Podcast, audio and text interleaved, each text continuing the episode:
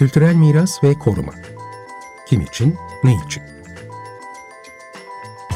Hazırlayan ve sunanlar Asu Aksoy ve Burçin Altınsay.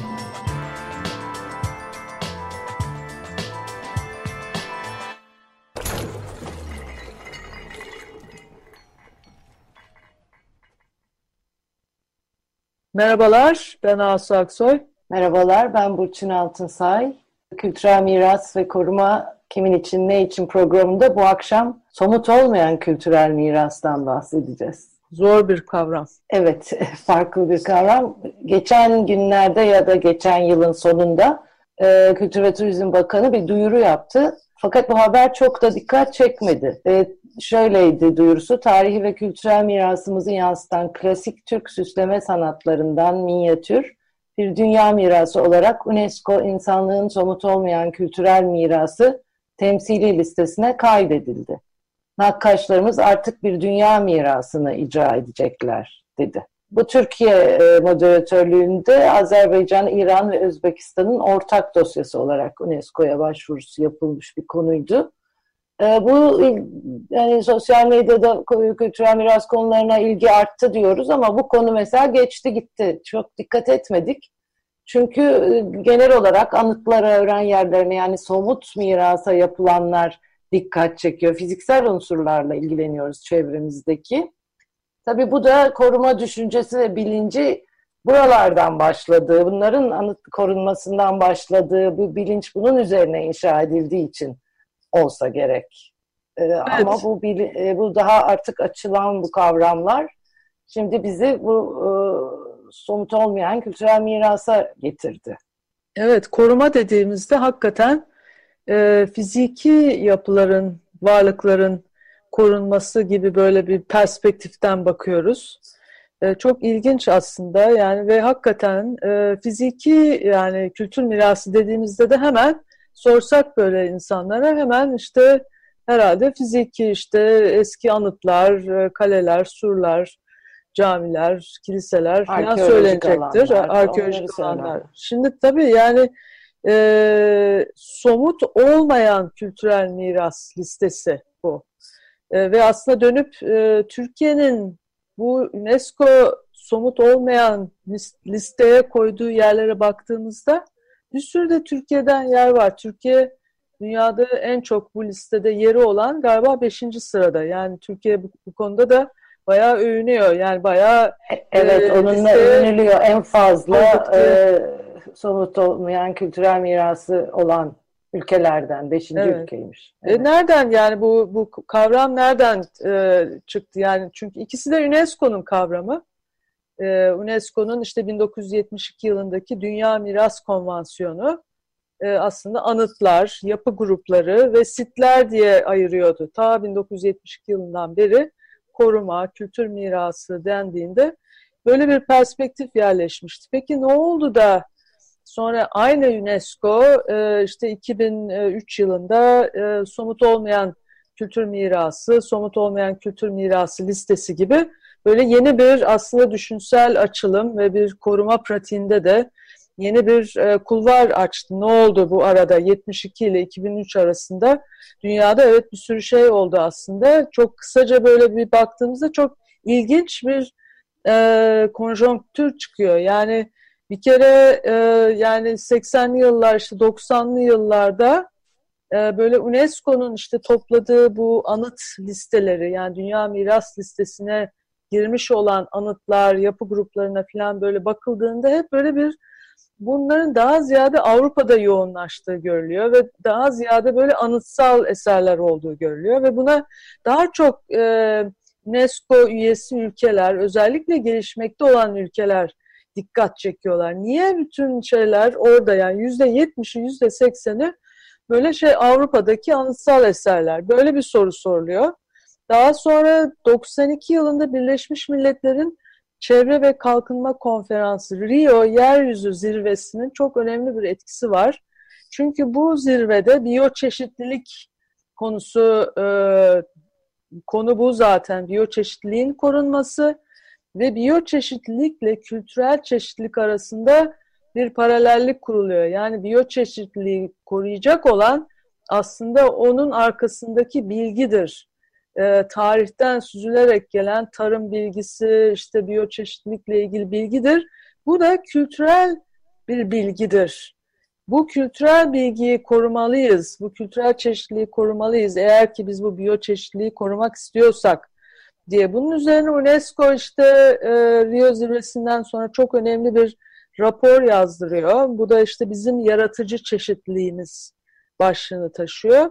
Ve 90'lı yıllar işte tam da böyle bir kültürel çeşitlilik e, kavramının e, tartışılmaya başlandı. Bunun öneminin e, ortaya konmaya başlandı. Yani böyle bir e, daha önce belki evrensel kültür gibi bir yerden giderken argümanlar şimdi böyle aslında dünyanın kültürel çeşitliliklerden oluştuğu ve bu kültürel çeşitliliğin kaybedilmemesi gerektiği gibi bir hassasiyet ortaya çıkıyor. Buradaki bir başka damarda aslında küreselleşmenin e, bütün bu farklı kimlikleri, kültürlükleri, kültürleri acaba silip geçtiği mi endişesi. O dönem yine 90'lı yıllarda çok böyle tartışma var.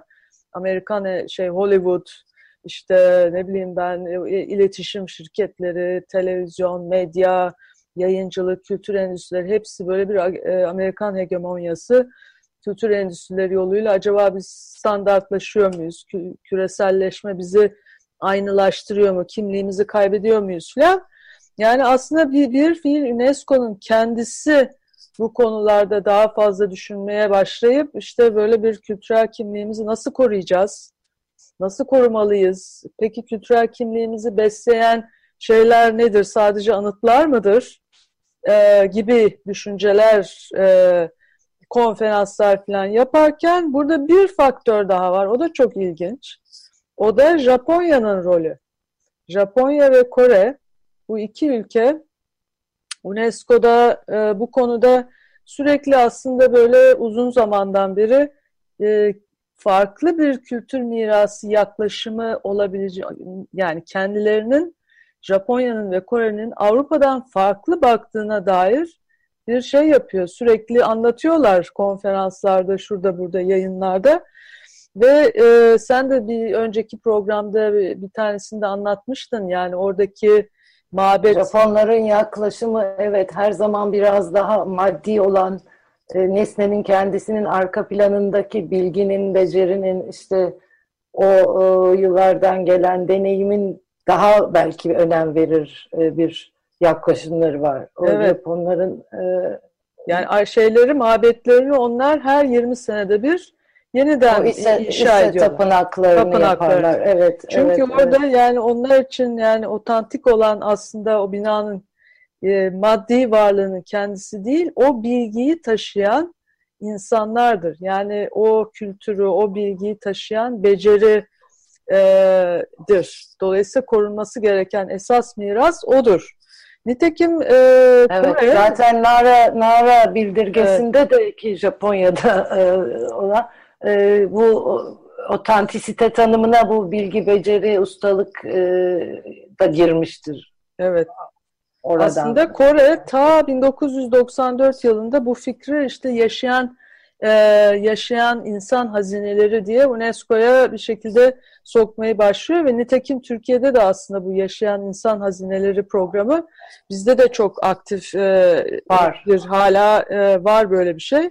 Şimdi ya yani buralardan aslında bu somut olmayan miras fikri e, buralardan yani kültürel kimliğimizi korumak, kimlikleri korumak, standartlaşmaya karşı e, dünyanın bütün kültürlerinin kendilerini ifade edebilmeleri ve bu e, böyle küçük küçük nehirler gibi bütün bu kültürlerin böyle akıp işte bir evrensel e, nasıl diyelim kültüre akması gibi bir şey var. Bir mozaik fikri var burada. Yani bir barış içinde kültürlerin bir arada var olması. Yani bu folkloristik bakıştan farklı.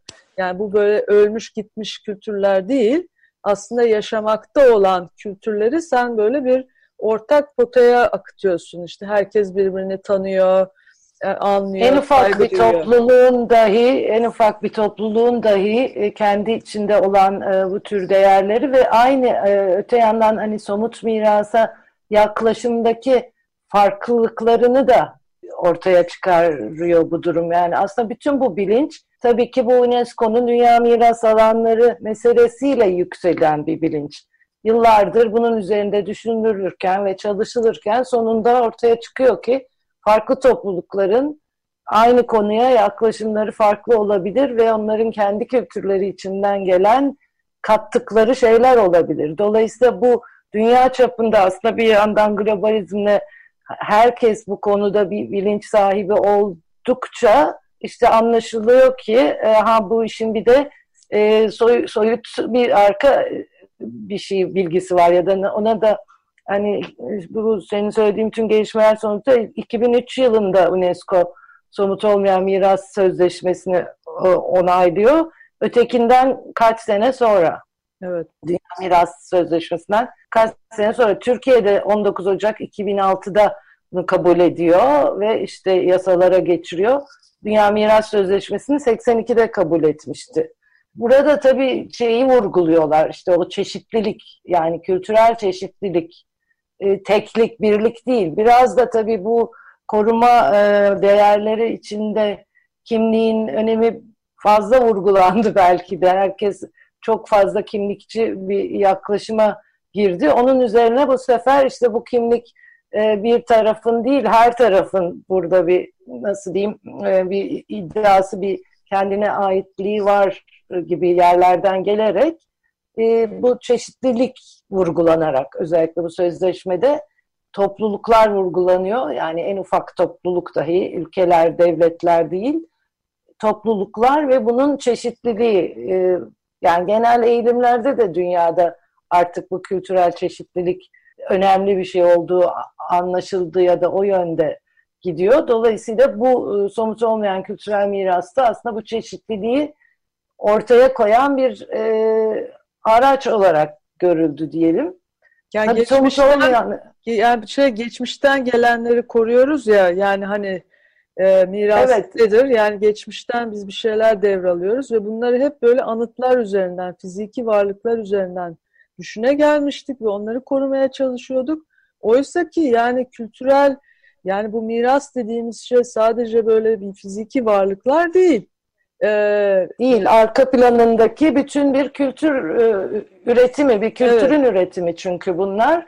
E, zaten başlarda bakarsan daha çok hala da biraz öyle liste. E, işte bir takım zanaatler yani maddi bir ürünün üretilişinin arka plandaki bilgisi, deneyimi, işte o yıllardan gelen e, zaten hani geleneksel mimariyle falan uğraştığın zaman bunu görmek çok e, kolay ve mümkün. Bu bunlar daha önce önceleri e, öne çıkarılıyordu ama böyle şeyler e, tabii e, burada bir de bir e, bence bir terim meselesi yaşandı aslında. Çünkü bunun Türkçe'de işte İngilizcesi intangible, evet yani elle tutulamayan, hani adını koyamadığımız ama orada olan bir e, varlık bunlar. E, sonra işte bu en son artık e, elle tutulamayan dendi bir süre. İşte so, e, sonra somut olmayan, soyut miras dendi. Somut olmayan kültürel miras teriminde anlaşıldı. E, bu sefer öbürü somut, bu somut olmayan böyle ikisi de çok ayrı şeyler. Negatif. Çok negatif odan gidiyor. Yani aslında iyi değil bu değil mi? Ee... evet yani somut olmayan ama soyut da olmadı. Böyle bir kargaşa var bence hala. Tabii elle tutulamayan da iyi ama o da biraz böyle zor söylenmiyor herhalde. İşte biraz e, seninle de konuştuk. Maddi olana karşılık manevi değerler mi? Bunlar aslında çok da ayrılamaz şeyler. Dolayısıyla çoğu yerde iç içe karşımıza geliyorlar. E, onun için şeyi tekrar e, vurgulayalım. Yani burada işte toplulukların ve grupların yani insan topluluklarının çevreleriyle, doğayla ve tarihleriyle etkileşimlerinden çıkan varlıklar ve burada da kültürel çeşitlilik çok vurgulanıyor. E tabii yani somut miras da zaten bu etkileşimlerden ortaya çıkan bir üründür. Onu görürüz ama ötekini hemen göremiyoruz. Onun evet. için bir araştırma veya bir daha derinlemesine bir bakış gerekiyor. Aslında bu böyle e işte şey burada... geniş bir konu e, Burçin. Yani hani niye Avrupa Yok, evet. Çok geniş. Avrupa'da böyle bir e, yapılara odaklı bir e, fiziki korumaya odaklı bir bakış açısı gelişti. Yani bu bir entelektüel tarih içinde baktığımızda hani bu nereden çıktı ve aslında ya koruma yapılara... meselesi tabii oralardan çıktı. Çünkü e, kayıplarla çıkıyor ortaya. Yani evet. bu somut olmayan mirasın da vurgulanması kaybetmeye başladığını gördüğün anda bir evet. sahiplenme ve koruma meselesi getiriyorsun. Yani bu aslında bu listelere baktığımız zaman da o var. Yani bir listeye koymak, bir kayda geçirmek. Aslında hakikaten de işte böyle hani kayda gelmeyen, işte elle tutulamayan, kendiliğinden olan bir şeyi de bir kırılma yaratıyor. Yani koruma hani Avrupa merkezi olması veya Batı merkezli olması oralardan çıktı çünkü bu düşünceler. Evet. Ve bütün dünyaya oradan yayıldı. Evet, e, önce tabii spesifik e, olarak İkinci Dünya Savaşı sonrasındaki özellikle büyük tahribatlar, e, evet bu e, düşünce eski eserlerin kökleri oradan geliyor. Evet. Ondan önceki yine koruma diyebileceğimiz şeyler var ama bunlar daha kendiliğinden olan e, şeyler.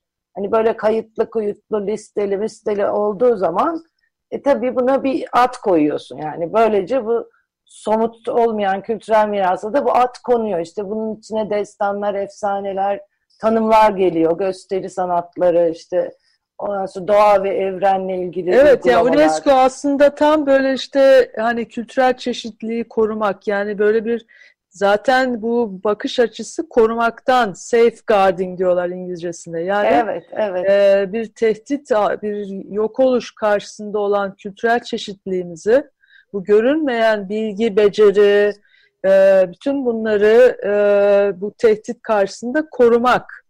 Ve UNESCO'nun derdi bu işte bu şeyle, konvans, bu sözleşmeyle somut olmayan kültür mirasının korunması sözleşmesiyle ve ama şöyle bir şey oluyor. Yani UNESCO tabii ki devletlerin bir araya geldiği bir e, devletler arası bir e, nasıl diyeyim idari bir yönetim şekli ve e, her şey böyle bir noktada bürokratikleşmeye evet, devletlerin başlıyor. oluşturduğu bir örgüt. Yani listeler oluşuyor, işte kurallar belirleniyor, e, işte tanımlar yapılıyor. Mesela bu somut olmayan kültürel miras nedir? Peki neler bu e, tanımın içine giriyor diye bir baktığımızda böyle karşımıza çok aslında nasıl diyelim olayı böyle çok yine şey yapan, daraltan, fixleyen e, yaklaşımlar sabitleyen, görüyoruz. Sabitleyen. O kayda geçirmek, o sabitleyen ve bir devlete bunun sen diyorsun ki e, o devlette diyor ki ben bunu işte sürdüreceğim, koruyacağım, tanıtacağım. Ama bu mesela her şey için e, bazı insan düşünüyor işte e, Türkiye'de mesela tehlike altında olan e, listeye Türkiye'den ıslık dili girmiş. İşte tarım topluluklarında işte tepeden tepeye ıslıkla iletişim kuruyor. Şimdi hani bunu bazen komik şeyler de çıkabilir. Hani siz bunu ıslık çalmaya devam edeceksiniz mi deniyor. Yani insanlar evet. bunun kendiliğinden sürmesi de önemli bir yandan. İşte bu sürdürülebilirliği önemli. Yani Sonra listeye bu... aldığınız anda e, bir o şey yapıyorsunuz. Onu sizden artık uzaklaştırıp yani o yaşayan halinden, senin kendiliğinden dediğin halinden uzaklaştırıp bir objeleştiriyorsun artık o senin bilerek yani. Evet öyle oluyor maalesef. Ya evet, bilinçli bir, bir şekilde yani bilince çıkarmış oluyoruz. Evet, yani bir kültürel o anlamda kendi kendine ilerleyen, karışan, değişen, yaşayan o anlamda bir olgu olmaktan çıkıp bir işaretlenmiş, listelenmiş ve dikkatle üzerinde böyle durulması gerektiği söylenen bir nesne haline geliyor, bir obje haline geliyor.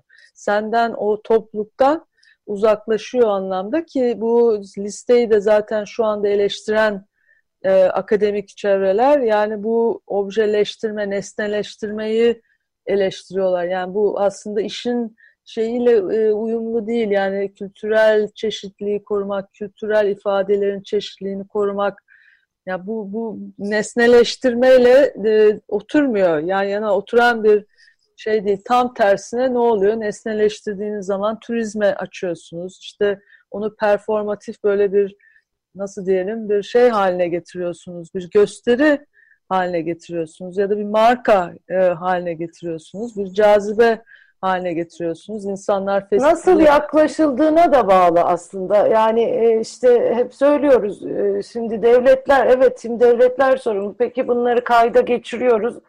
E geçirmezsek de hani bırakalım yok olanlar yok mu olsun. Öyle de bir yaklaşım e, olabilir ama bunu böyle bir e, dünya, tıpkı dünya miras alanları gibi e, turizmin aracı olarak kullanmak tabii yanlış yaklaşımlardan biri. Yani bir atraksiyon değil bunlar. Bu insanların hayatının e, parçası ama bunu daha e, düzgün bir şekilde de e, bunun korunması, işte sürdürülmesi için çabalar e, olabilir. Tabii bunun bu işin uzmanları hani çok ince ve e, zor çalışmalarla bunları tespit ediyorlar. E, bunların aslında e, uzman dedin Burçin.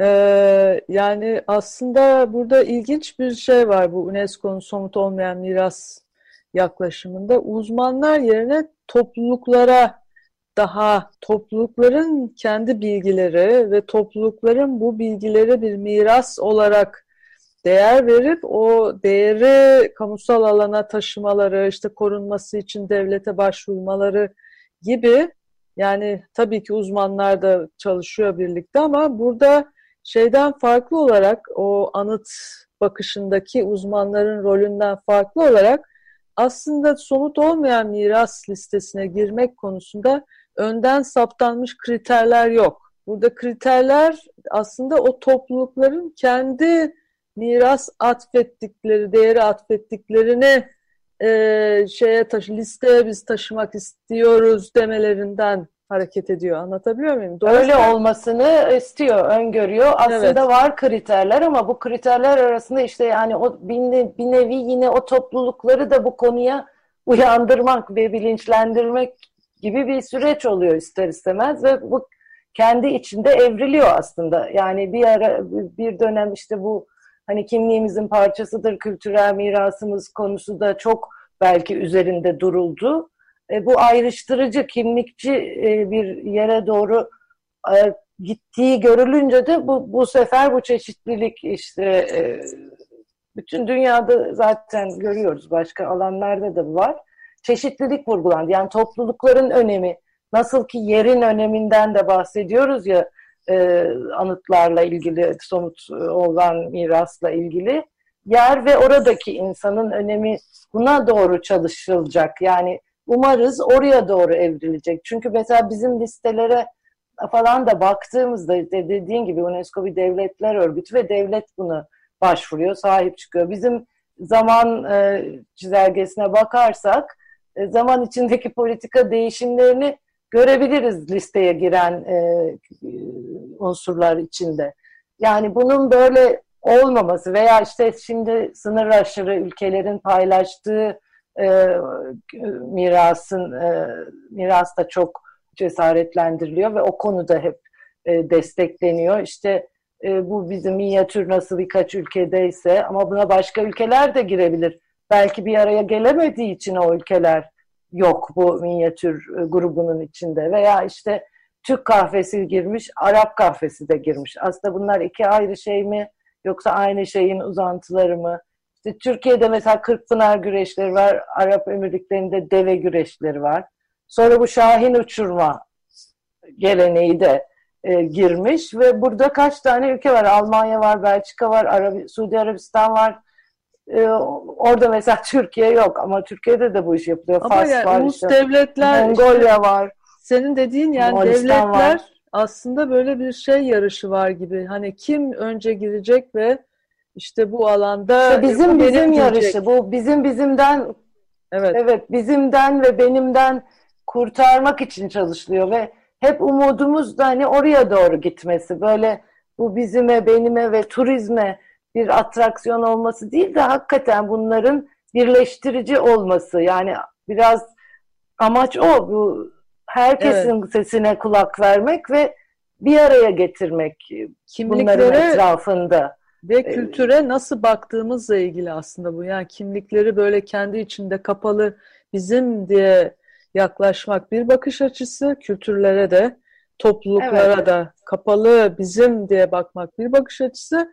Kimliklere, kültürlere açık sistemler, çok katmanlı sistemler, e, akışkan, hibrit, birbirinden etkilenen sistemler olarak bakmaksa daha işte bizim bu ortaklaştırıcı, ortaklık fikri. E çünkü öyle bunlar. Özellikle de bu somut olmayan miras sınırlar konmadan önce zaten var olan ve o günden hani daha sonra değişse de devam eden şeyler. Dolayısıyla bu kültürel mirasın bütünü içinde diyoruz ya bir barışın aracı olarak, birleştirici bir unsur olarak görmek istiyoruz artık yani. Evet. Programımızın Somut ismini değiştireceğiz mirasla- galiba.